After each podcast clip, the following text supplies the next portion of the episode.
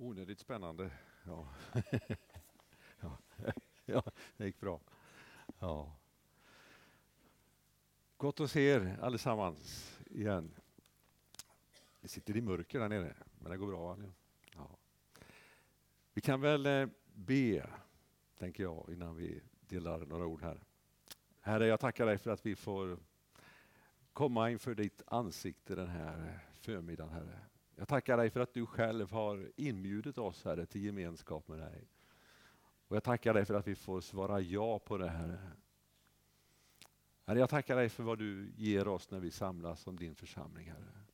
Jag tackar dig för att du älskar oss, Herre. Och jag tackar dig för att, precis som vi hörde, är du den som gör saker rätt, Herre. Och jag ber, Herre, att om det finns saker i våra liv, Herre, eller någonting som du vill påminna oss om idag, Herre, så vill du vara med och ställa saker och ting till rätta, Jesus. Jag tackar dig för att det är den guden vi får tro på, det är den guden vi får tjäna, det är den guden vi får tillhöra. Fader, jag ber att de bibelord vi ska läsa tillsammans här, att det får röra vid våra hjärtan, Herre. Vi vet att ditt ord är levande, Herre. Vi vet, Herre, att ditt ord är verksamt, Herre. Att det skiljer ande och själ och kropp åt, Herre. Att det når precis dit du vill att det ska nå, Herre. Jag ber Herre att det ska få göra någonting med oss idag, Herre. Och jag ber att det ska få ta sig uttryck i våra liv, Herre. Inte att vi bara lyssnar, Herre, utan att vi gör också, Herre.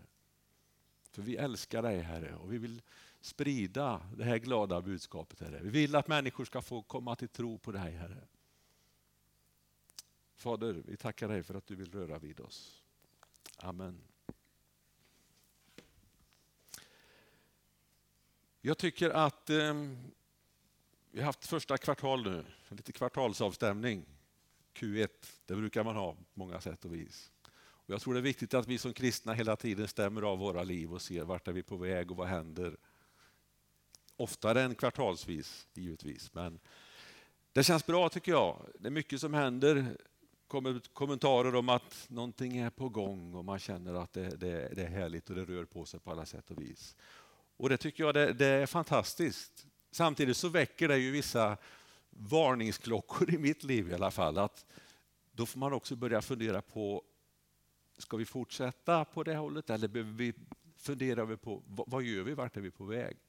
För det är lätt kanske att man då kör i full fart utan att hela tiden ha med Gud i det man gör. Jag har försökt sammanställa lite tankar och funderingar här. Det kommer att ställas ett antal frågor till oss i det här. Jag kommer inte ge några färdiga svar på allting. För jag tror en del handlar om dig och mig och våra egna liv som vi behöver ta med oss kanske och fundera på. Det kan betyda lite olika för oss var och en. Men det jag vill egentligen i detta det är att utmana dig att se över din relation med Jesus. Se över den och pröva den. Jag tror Bibeln har jättemycket att säga oss på livets alla områden givetvis. Och jag vill att vi ska börja läsa i Josua bok kapitel 17. Jag har varit där och läst lite grann. Jag har delat det på någon eh, bönesamling, någon tanke. Det blir lite annorlunda med det här. Men eh, jag tror det finns mycket att lära oss där. Jag tänker ändå Josua och hela det handlar om att inta nytt område, ett nytt land. Man mötte både medgång och motgång. Gud var med i detta, men det handlar också om att vara lydig Gud och lyssna till honom och låta honom vara med hela tiden. I Josua kapitel 17, 14 till 18 så står det så här. Josefs barn sa till Josua, varför har du gett oss endast en lott och ett skifte till arvedel, fastän vi är ett talrikt folk som Herren hittills har välsignat? Då svarade Josua dem, om du är ett talrikt folk, dra upp till skogsbygden och röj dig mark där i perisernas och rafaernas land, eftersom Efraims bergsbygd är för trång för dig. Men Josefs barn sa, bergsbygden räcker inte för oss. Och alla kananéer som bor på slätten har järnbeslagna stridsvagnar, både de som bor i Betshan med underlydande orter och de som bor på Israelslätten. Josua sa till Josefs hus, till Efraim och Manasse, du är ett talrikt folk och har stor kraft. Du ska inte endast ha en lott, utan du ska få en bergsbygd som också är en skogsbygd. Men du ska röja upp den så att till och med dess utkanter kommer att tillhöra dig. Du ska fördriva kananéerna även om de har järnbeslagna vagnar och är starka. Och ett par frågor kring den här texten är, är vi nöjda med den lott som vi har?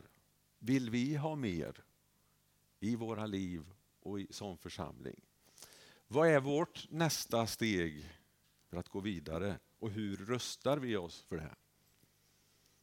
Tänker du någon gång, som det stod här i vers 16, att bergsbygden, den räcker inte för oss? Jag vill ha mer. Jag vill nå ut mer. Jag vill växa. Jag vill komma närmare Jesus i mitt liv också. I kapitel 14 så står det om eh, Kaleb. Han blev tilldelad också e- ett område, Hebron. Och jag tycker det är en eh, fantastisk människa. Jag vet att jag har läst härifrån en gång tidigare, men vissa texter är väl värda att läsas fler gånger. För det uppmuntrar oss och det händer någonting i oss när vi läser det. Och verserna 11-12 så står det så här. Än idag är jag lika stark som den dag Moses sände iväg mig. Som min kraft var då, så är den idag när det gäller att strida, dra ut och komma hem. Ge mig nu denna bergsbygd som Herren lovade den dagen. Du hörde själv att anakiterna bor där med stora och befästa städer. Om bara Herren är med mig ska jag fördriva dem så som Herren har lovat. Och även om några av oss här har kommit en bit upp i ålder så är det aldrig att man har vuxit bort ifrån Gud eller att man inte har en uppgift i Guds verk. Och jag personligen känner en oerhört stor tacksamhet till de som har varit med i många år och byggt den här församlingen. Lagt ner tid, kraft, pengar, förbön och offrat mycket av det världsliga. Offrat mycket av det som säkert har lockat många gånger och som man har brottats med. Men man har valt församlingen. Man har hållit församlingen högt och man har byggt en församling som gör att vi är där vi är idag. Josua han dog, står det här, och det växte upp en generation som inte kände Gud, som inte hade vandrat med Gud. Och det gick inte bra, man började gå på olika villovägar och tappa kontakten med Gud. Frågan till dig, vad längtar du efter i ditt andliga liv idag? Är du nöjd så som det är? Eller finns det något mer som du skulle vilja ha? Och följdfrågan blir ju, om du svarar att jo, men jag vill ha mer, då blir frågan, hur jobbar du på det i så fall? Och vad gör du åt det för att få mer av Gud? Att bygga vidare, det handlar om att vi behöver rösta oss för det som ligger framför. Lyssna på vad Gud vill för församlingen och ta oss dit. Att bereda plats för Gud i våra liv och i församlingen och bereda plats för den heliga Ande. Vad längtar vi efter som församling? Och vad ligger på Guds hjärta? Det står här att du ska få, vi går tillbaka till kapitel 17 igen. Du ska få en bergsbygd som också är en skogsbygd, men du ska röja upp den så att till och med dess utkanter kommer att tillhöra dig. Du ska fördriva kananéerna även om de har järnbeslagna vagnar och är starka. Vi behöver vara med och röja, men vi har ett löfte på att vi ska få mer. Vi kommer att nå ut om vi är beredda på att jobba. När vi läser utkanter här så tänker jag att vi behöver nå dem som finns med i församlingen men befinner sig i utkanten av församlingen, i periferin. De kan vi nå om vi hjälps åt och röjer och jobbar. Jag tänker på alla de som inte har upptäckt Jesus än. Som inte ens kanske vet vem han är. Och jag tänker, precis som vi berörde på årsmötet, att samhällets döpen det växer. Det är fler hus här borta nu, det finns planer på ännu mer. Hur förbereder vi oss och hur gör vi oss redo för att ta, ta oss an dem när de kommer? Att bygga vidare är alltid att lyssna till vad Herren vill, vad Gud vill med mitt liv och oss som församling. Josua och Israel de gjorde fel många gånger när de höll på och intog Kanans land. De gjorde tvärt vad Gud hade sagt ibland. De lyssnade inte, de tog genvägar och de fuskade med uppdraget så att säga. De Gick på vad de själva tyckte kändes bra ibland och tänkte men det kan väl inte vara så farligt. Men det gick inte bra vid de tillfällena. Det står vet, i ett, en passage i kapitel 9 att de frågade inte Herren. Står det efter att man hade tagit ett beslut. När det sen visade sig att det var inget bra beslut. Och man hade tagit det beslutet utan att först fråga Herren. Att låta bli att fråga Herren är ingen bra väg framåt. För hög fart framåt kompenserar inte om man har fel riktning, har jag lärt mig. Det blir aldrig bra, även om man springer aldrig så fort.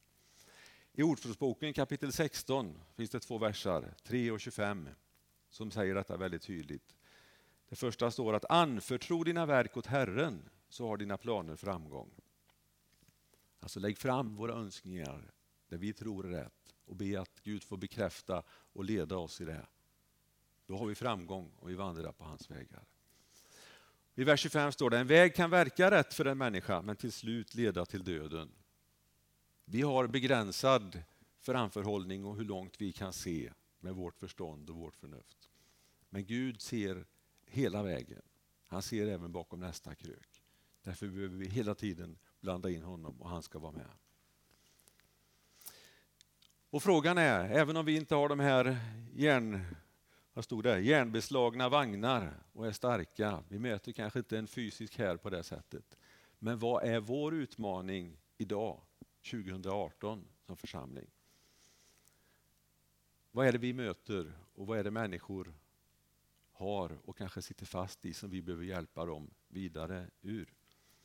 Det är mycket med egofixering. Vi vet att det handlar mycket om självförverkligande i, i samhället idag. Lyfta fram sig själv och i mångt och mycket strunta i annat. Men i detta så är det en andlig kamp, är jag helt övertygad om. Det sker någonting i andevärlden som vi inte kan se och ta på med våra fysiska ögon och våra fysiska händer. Och det måste vi våga bejaka och leva i att så är det i det vi möter. Det står i Efesierbrevet 6 att vi ska ikläda oss hela Guds vapenrustning. Och det som är genomgående i slutet på det, det står att vi ska göra det genom ständig åkallan och bön. Bönen, ser jag, är det som binder samman hela den här rustningen.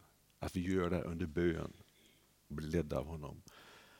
När Jesus avslutar bergspredikan så säger han att den som hör och handlar, det är vist och det är klokt. Men den som hör och inte handlar, det är inte vist, det är ovist. Då vet vi vad det står med bergsgrund och, och sand, att den som bygger det är som att bygga på sand. När vatten och stormar kommer då blåser det bort om man inte handlar efter vad Gud säger. Att läsa Bibeln, kanske varje dag, eller hur regelbundet man nu läser, men inte låta orden få göra något och att man tar det till sig, att det får bli någonting i mitt liv. Det är ovist. När vi kommer tillsammans här, vi lyssnar på predikningar, vi lyssnar till vittnesbörd. Om inte det får göra någonting med oss utan vi tycker att det kändes gott och det var bra, men om inte det får göra något med mitt liv, det är ovist. Inte tar det till sig. När vi ber och lägger fram våra önskningar, vilket vi får, men inte lyssnar till svaret, det är ovist att inte lyssna. Det är inte alltid vi får de svaren som vi kanske ber om. Men då är det det här att när vi lägger fram våra önskningar för Gud så får vi också tro att han vet vad som är bäst även bakom nästa krök. Om vi tänker oss ett år framåt. Hur tror vi att församlingen skulle se ut om vi alla hjälptes åt och bjöd in en person var per månad till en gudstjänst, någon samling. Om vi alla skulle säga att nej, nu ska jag satsa fem minuter extra varje dag i bön för stöpen och för församlingen. Tror vi att det skulle ha någon påverkan om vi tänker ett år framåt? Vi är 150 drygt i församlingen. vissa vet vi kanske inte hör detta, men om vi säger att vi vore hundra som sa att jag ska minsann bjuda in en person varje månad. Jag ska börja med det. Och jag ska satsa fem minuter extra varje dag på att be för samhället och för församlingen. Det innebär ju alltså, om man gör en räkneövning, vilket jag tycker är intressant att göra ibland, matte är skoj. 100 personer, det blir 500 minuter om dagen. va? Det blir 15 000 minuter per månad. Vilket motsvarar 250 timmar, eller cirka 10 dygn per månad.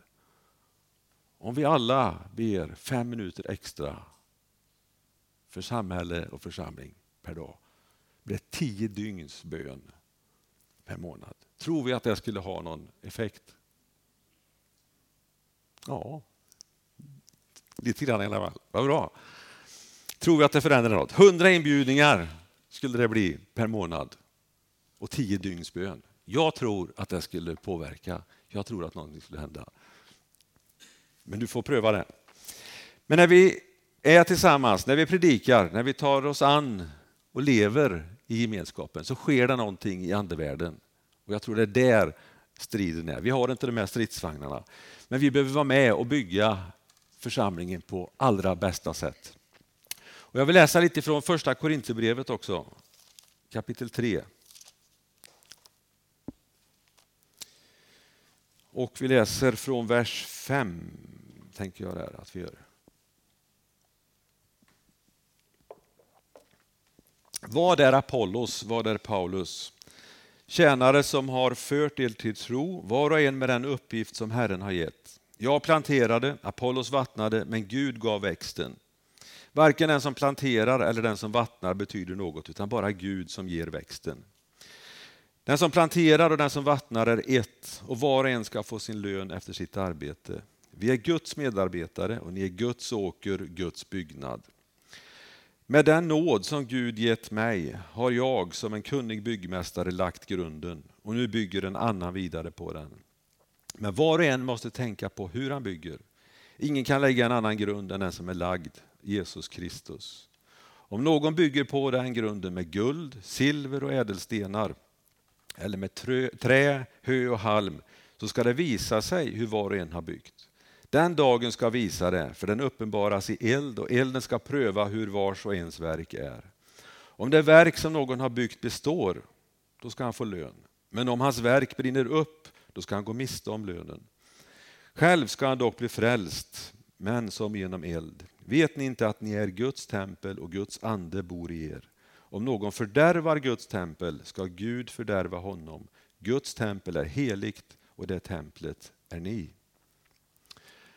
Kapitel 3 handlar om församlingen. Det handlar om oss tillsammans. Handlar det om. Vill du fördjupa dig i mera personligt så kan du läsa kapitel 6. Det handlar om dig som person mycket mer. Men kapitel 3 handlar om oss som församling.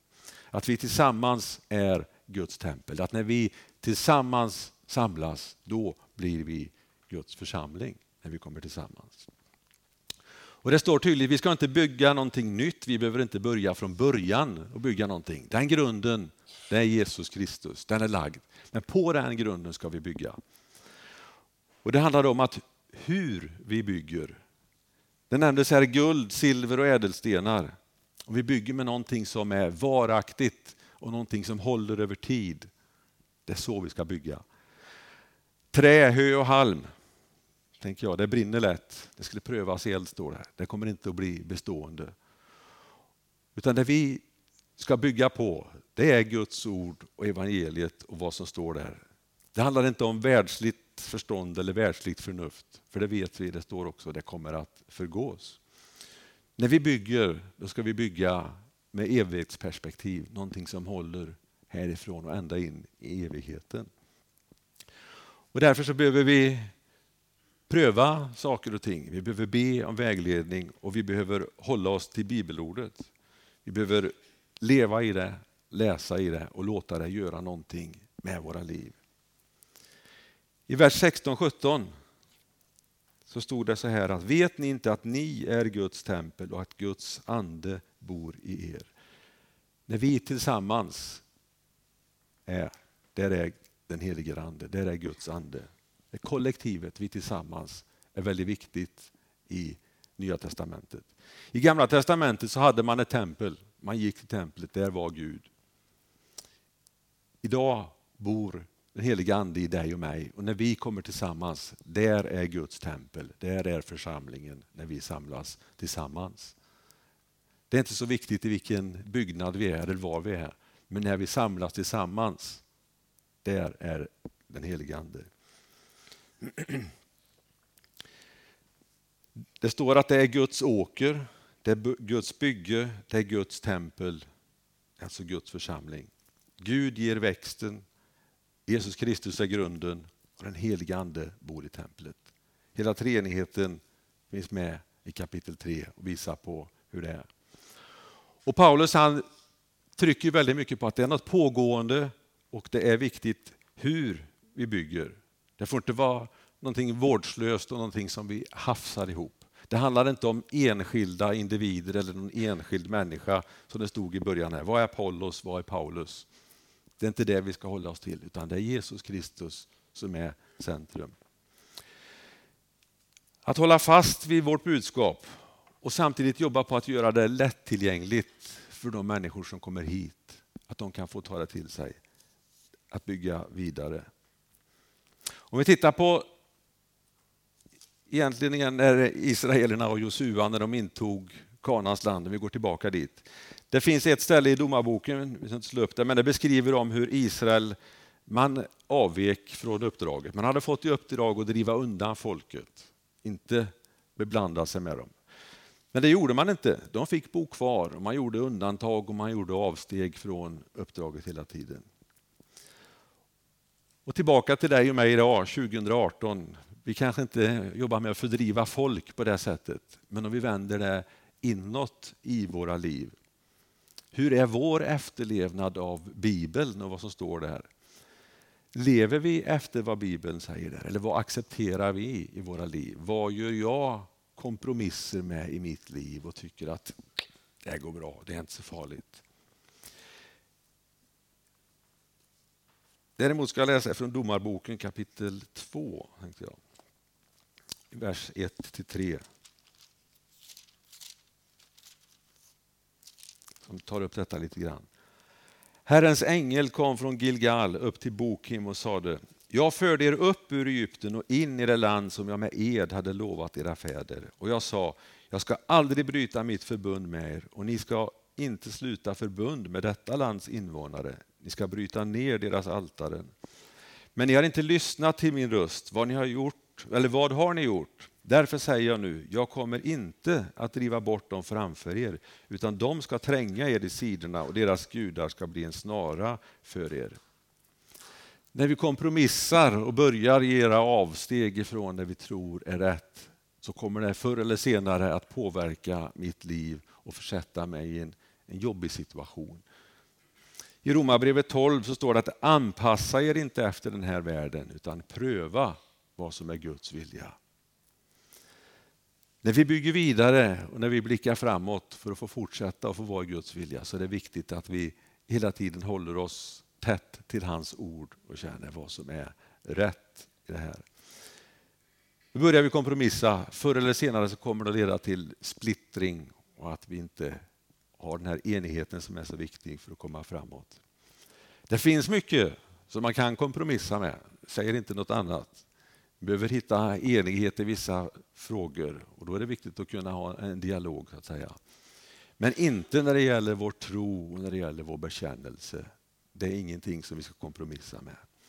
För har vi ett mål, har vi fokus på ett ställe som vi vill komma till, då kan vi inte börja göra avkall och kompromissa med det. Vi kan inte kompromissa med riktningen dit vi ska. Då kommer vi inte dit. Då kommer vi inte fram dit. Så är det. Då kommer vi att hamna vid sidan om. Vi måste ha en och samma väg att vandra och den ska vara gemensam.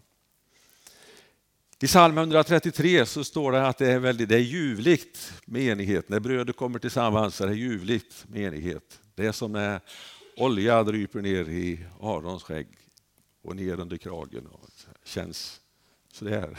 Men Jag vet inte. Men det är en bild på den heliga Ande, att när vi, vi får sträva efter enighet och lever vi med den helige Ande så blir det enighet. Och då känner vi att vi är på väg åt rätt håll. Det står också i en vers där att det är ljuvligt och att det är bra när vattnet får flöda fram. så att säga. Att när Jesus är i centrum och får ge oss det här levande vattnet genom den helige Ande, då blir det liv och då blir det framgång i det. I Markus så talar det om ett rike, när det är splittrat, då kommer det inte kunna bestå.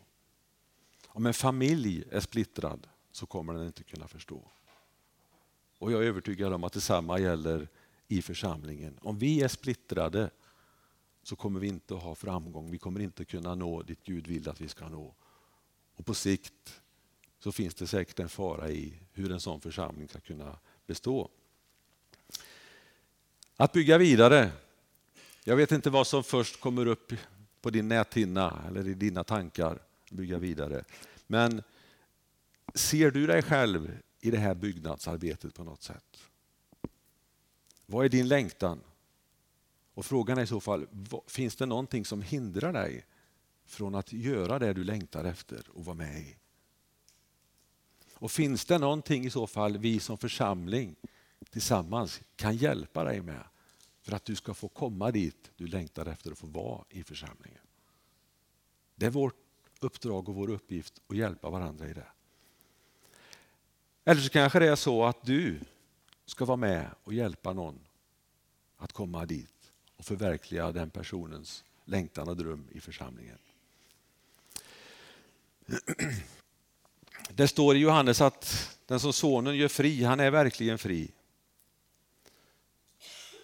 Men egentligen kanske vi inte vet, är jag fri eller är jag inte fri? Förrän jag försöker ta det här steget och försöker leva i det jag brinner efter och längtar efter.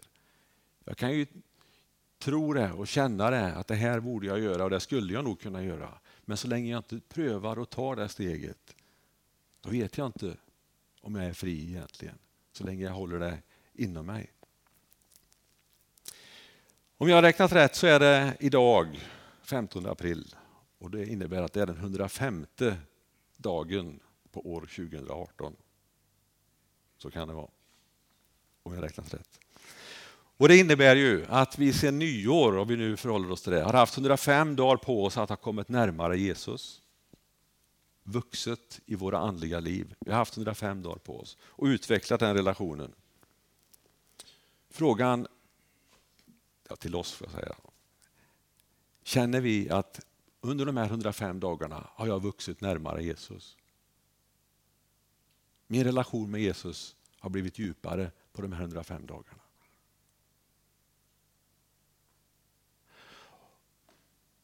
Oavsett vad vi svarar på det, om vi tänker ett år framåt, om jag fortsätter att växa närmare Jesus i samma takt, hur mycket eller lite nu än svarar på den frågan. Hur ser min relation ut till Jesus om ett år om jag fortsätter att växa i samma takt? Ni behöver inte svara högt. Det är vår, det är underbart. Och Kanske är det som så att vi ska vårstäda lite grann i våra liv. Vi läste här förut bilder om en åker bland annat. Vi som församling är Guds åker. Och allting som används, allting som är i funktion och som vi sliter på, det behöver städas, det behöver underhållas, det behöver putsas och tvättas och skötas om. Verktyg i olika sammanhang och var vi än är. Och Det är bra när det används och det är bra när det slits, men det behöver vårdas. En åker som används man plöjer och man sår och man jobbar och arbetar i den. Då kommer det upp stenar ibland. Och då får man plocka undan dem. Arbetar man inte i åkern, ja, då spelar det ju ingen roll och då kommer det inte ens upp nya stenar. Vi är inte perfekta. Vi är ingen felfri församling på något sätt. Och ju mer vi jobbar ju mer vi längtar efter någonting, ju mer vi är i den här andliga kampen, ju fler stenar tror jag det kommer att komma upp. Men då ska vi inte snubbla på de stenarna eller fastna framför de stenarna. Utan då ska vi tillsammans lyfta bort de stenarna och komma vidare. För jag tror att kommer det inte upp stenar, då är det också ett tecken på att då sitter vi bara och inte gör någonting. Ni som är hantverkare och verktyg och sliter, det behöver bytas ibland, det behöver justeras. Men det är ett tecken på att det används. Och så är det i mitt liv med. Jag kommer att göra lite fel steg. Det kommer att komma upp saker som jag behöver jobba med. Men det är tecken på att det är i funktion. Bygget. Man håller på och bygger. Det blir skräp, det blir spill, det blir allt möjligt. Städar du inte undan det så kommer du inte kunna komma vidare. Du kommer att snubbla på det.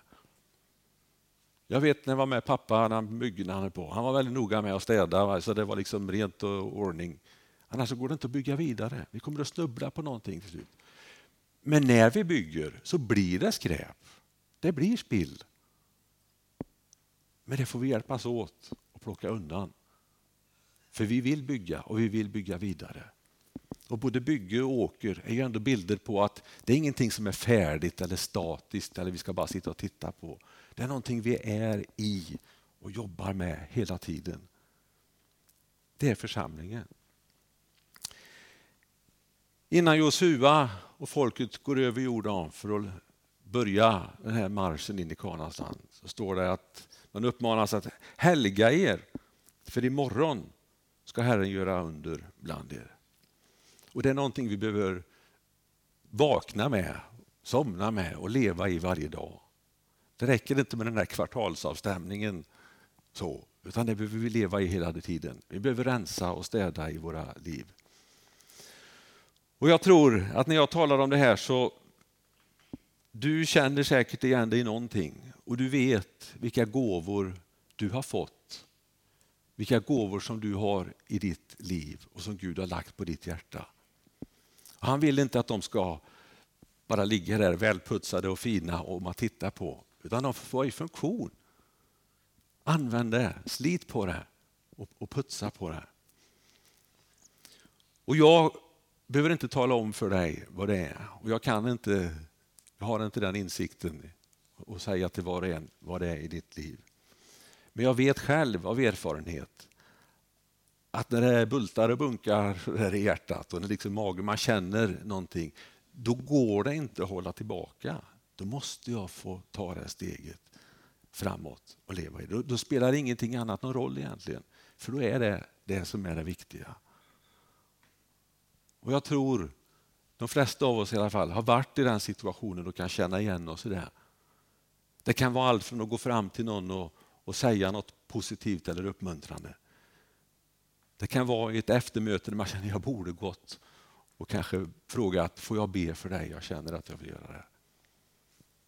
Då är det den där känslan inombords. Och jag tror det är så många gånger den helige Ande jobbar i våra liv. Och känner du dig osäker i det här, så be till Gud om vägledning. Be att han visar dig. Det är jättestarkt och det är positivt och vi ska uppmuntra varandra och vi ska tala till varandra i detta.